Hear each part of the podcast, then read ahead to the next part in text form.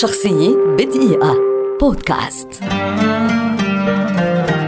روبن شارما مؤلف ومدرب في التنمية الذاتية وبناء القادة والتنمية البشرية والتطوير.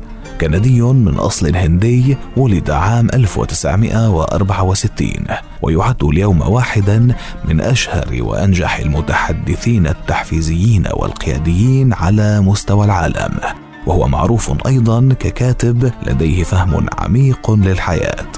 حصل على درجة الماجستير في القانون وعمل محاميا لكنه لم يجد السلام أو الرضا في عمله. وفي سن الخامسة والعشرين قرر تغيير حياته بشكل كامل وإعطاء الكتابة حقها. لم تكن نقطة التحول في حياته وليدة لحظة ولم ينل النجاح بسرعة. بل كانت عملية طويلة ومليئة بالفشل فهو حتى اليوم لم يتمكن من بيع ثلاثة ألاف نسخة من عمله المكتوب الأول الذي نشره عام 1995 بعنوان Mega Living 30 Days to a Perfect Life. لكنه أحدث ضجة كبيرة في جميع أنحاء العالم مع كتابه الثاني الراهب الذي باع سيارته الفيراري الذي نشر عام 1996 وباع أكثر من ثلاثة ملايين نسخة وتمت ترجمته إلى أكثر من خمسين لغة.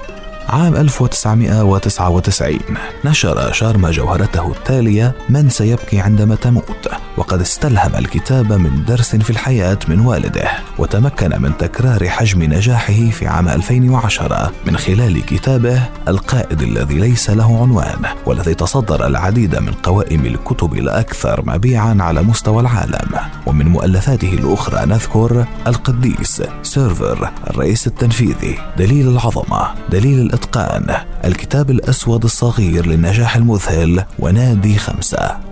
اليوم يتم استشارة شارما من قبل الرؤساء التنفيذيين وكبار القادة من عالم الشركات في العالم الذين يسعون للحصول على نصيحته حول كيفية الحفاظ على إلهام الموظفين. وقد احتل المرتبة السادسة في قائمة أفضل 30 قائدا محترفا في العالم لعام 2019 وحصد العديد من الجوائز العالمية في هذا المجال. شخصية بدقيقة. بودكاست.